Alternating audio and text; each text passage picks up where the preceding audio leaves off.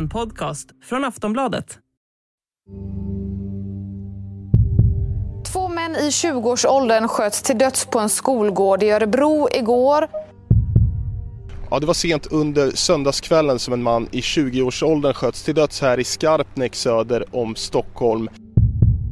En man i 20-årsåldern har blivit skjuten med flera skott i Norsborg söder om Stockholm och har dött av sina skador. Detta meddelar polisen.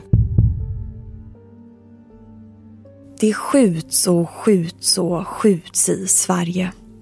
Vi har just gått in i sommarmånaden juni och redan nu har det varit över 150 skjutningar runt om i landet sedan årsskiftet. Många av dem är gängrelaterade. Ja, det råder stor frustration kring skjutningarna som alla för med sig smärta, sorg och konflikt. Samtidigt har polisens uppklarningsnivåer av gängmorden sjunkit skarpt sedan 1990-talet. Och nu träder poliser fram med omfattande kritik mot den egna organisationen som de menar har stora brister. En av dem säger att det inte ens är en poäng med att göra sitt allra bästa för sitt allra bästa är ändå för dåligt. Och en annan säger att han inte kan stå för hur man leder polisens arbete längre. En tredje säger att polisen inte har varit så här dåliga på 20 år. Så vad är det som har hänt inom polisen egentligen? Var någonstans i utredningarna går det snett? Varför är det så få gängmord som uppklaras? Och varför är det poliser som nu träder fram, rädda för att tala öppet om sin kritik? I dagens Aftonbladet Daily pratar vi med Frida Svensson, granskande reporter på Svenska Dagbladet. Hon har pratat med ett femtontal poliser om varför så många gängmord förblir olösta. Jag heter Vilma Ljunggren. Hej Frida och välkommen hit. Tack så mycket. Du har ju granskat polisens arbete med att klara upp gängmord. Ett arbete som får mycket kritik från olika håll. Ungefär hur många av gängmorden klaras upp i Sverige idag? Ja, eh, när man ser hur utvecklingen ser ut då så på eh, 90-talet så ser man att nästan alla sådana här mord eh, klaras upp. Men sen har ju uppklarningen sjunkit till ungefär 25 procent idag är den senaste siffran från polisen. Men sen när man zoomar in på ännu mer drabbade områden som ja, men Järva i nordvästra Stockholm, då är uppklarningen betydligt lägre än så. Det är en ganska stor skillnad då från 90-talet. Vet man vad det är som har hänt? Ja, det är ju en annan karaktär idag på de här morden. Idag har vi ju eh, mord där det ofta då kan finnas en anstiftare eh, som lägger ut ett morduppdrag nästan på entreprenad.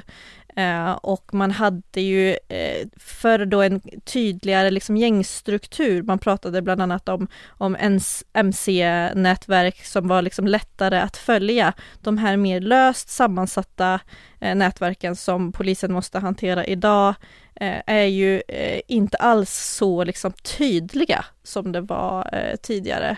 Och sen idag då att det är fler mord som sker ja, men med skjutvapen utomhus, det, det gör bevisläget svårt redan från start.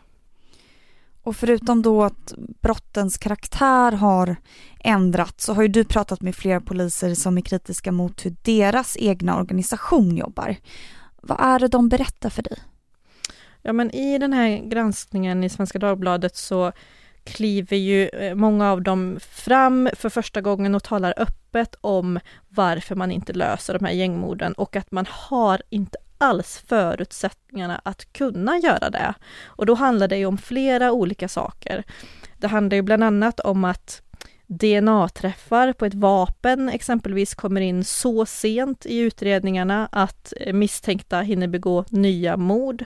Det handlar om att kompetensbristen hos de som ansvarar för att utreda de här morden eh, är så låg att man måste anpassa hur man bedriver en mordutredning till vad personerna i gruppen faktiskt klarar av. Och att man lite får hoppas på att det finns någon som kan hålla ett förhör och tömma en mobiltelefon. Eh, och eh, man larmar ju i Svenska Dagbladet att polisens utredningsverksamhet inte har liksom mått så här dåligt på 20 år.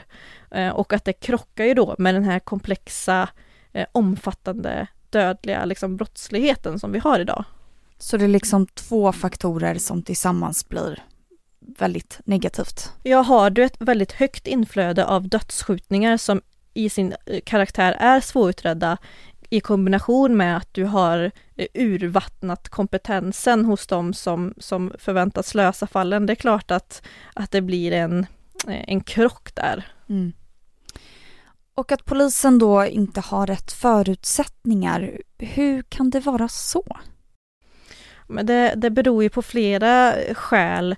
Eh, en utredning eh, är ju eh, bred, den innefattar mycket. Det kan vara att man eh, eh ska skicka bevismaterial på analys hos NFC och där kan väntetiderna vara förödande. Man kan få vänta sju veckor på ett resultat och när det handlar om mord så vet man ju att det är väldigt tidskritiskt. Man behöver snabba svar för annars eh, kan till exempelvis en övervakningsfilm redan har hunnit raderats och sådär. Man jobbar ju mot klockan och då är ju väntetiderna på de här analyserna eh, ett sådant problem bland annat. Vi pratar ju om just gängmord här. Men ser det likadant ut på andra brottsområden eller är det här något som sticker ut för just gängmord? Ja, det är ju en jättebra fråga och nu har jag ju valt att titta på eh, just gängmorden eftersom det är Eh, ett sånt liksom allvarligt samhällsproblem och eh, den grova brottsligheten är en av väljarnas viktigaste frågor inför valet. Men nu bara under dagen har jag ju fått in många reaktioner även inifrån polisen då på den här granskningen.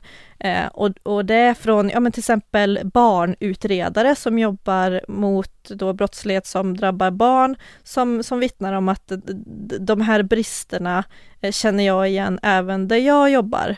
Så eh, det finns ju absolut skäl i att titta bredare på polisens utredningsverksamhet än bara när det kommer till gängmorden.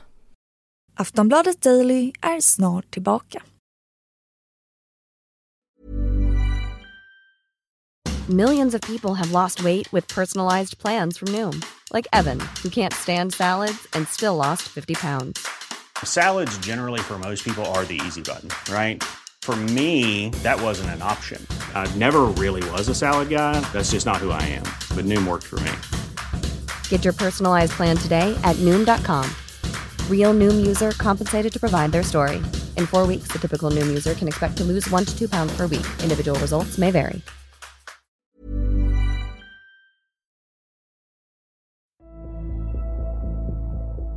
Frida Svensson har i sin granskning talat med ett femtontal poliser varav de flesta inte vågar tala öppet om sin kritik. De väljer att förbli anonyma. Varför är det så? Vad är det de är rädda för? Vi hör Frida Svensson igen.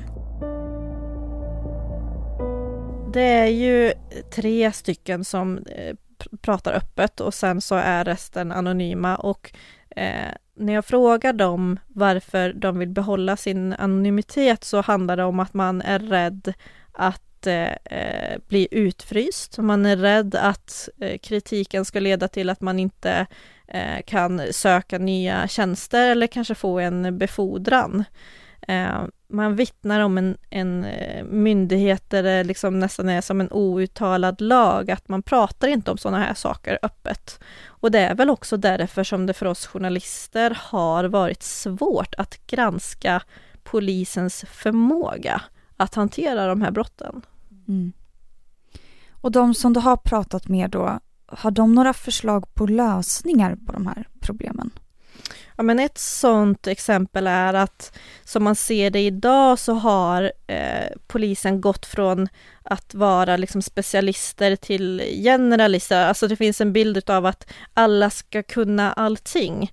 Eh, samtidigt som att brottsligheten har blivit mycket mer eh, sofistikerad och komplex. Så det som eh, många lyfter till mig då är att Eh, nu behöver vi verkligen gå mer ifrån den, det här generalisttänket till att verkligen satsa på eh, eh, specialistfunktionerna istället. Alltså vi behöver proffs som är experter på, som är experter på eh, vapensmugglingen, som är experter på avlyssningen eller vad det kan handla om. Finns det andra länder som har haft liknande problem som i Sverige men som har kommit till bukt med det? Och i så fall, vad kan vi lära oss av dem?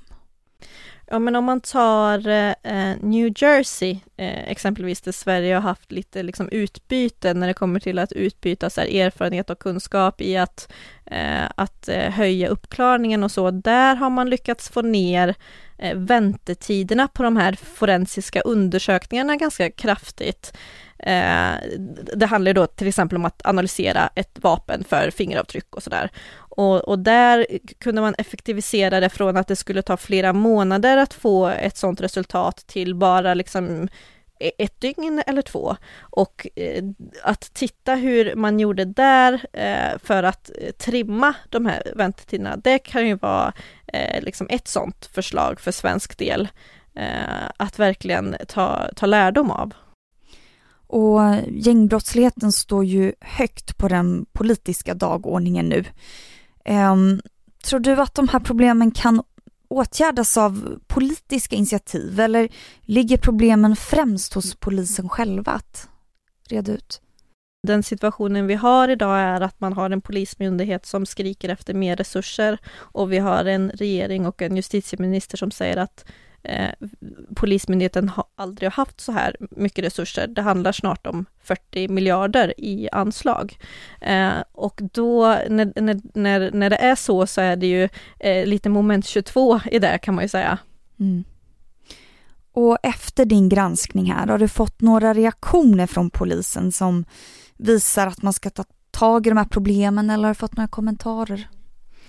De flesta kommentarerna handlar egentligen om att det är många som är lättade, att eh, man lyfter på locket eh, kring de här frågorna, att det är ja, men många inom utredningsverksamheten som känner att så här, äntligen kommer de här sakerna upp till ytan. Det är nog mest det jag tar med mig, men sen kommer vi fortsätta att följa reaktioner och ta kommentarer såklart från, från polisledningen för, för att se om man tänker agera på den här informationen. Tack så jättemycket Frida Svensson för att du gästade oss och berättade om din eh, granskning. Tack så mycket. Du har lyssnat på Aftonbladet Daily med Frida Svensson, granskande reporter på Svenska Dagbladet. Och med mig, Vilma Ljunggren. Tack för att du har lyssnat.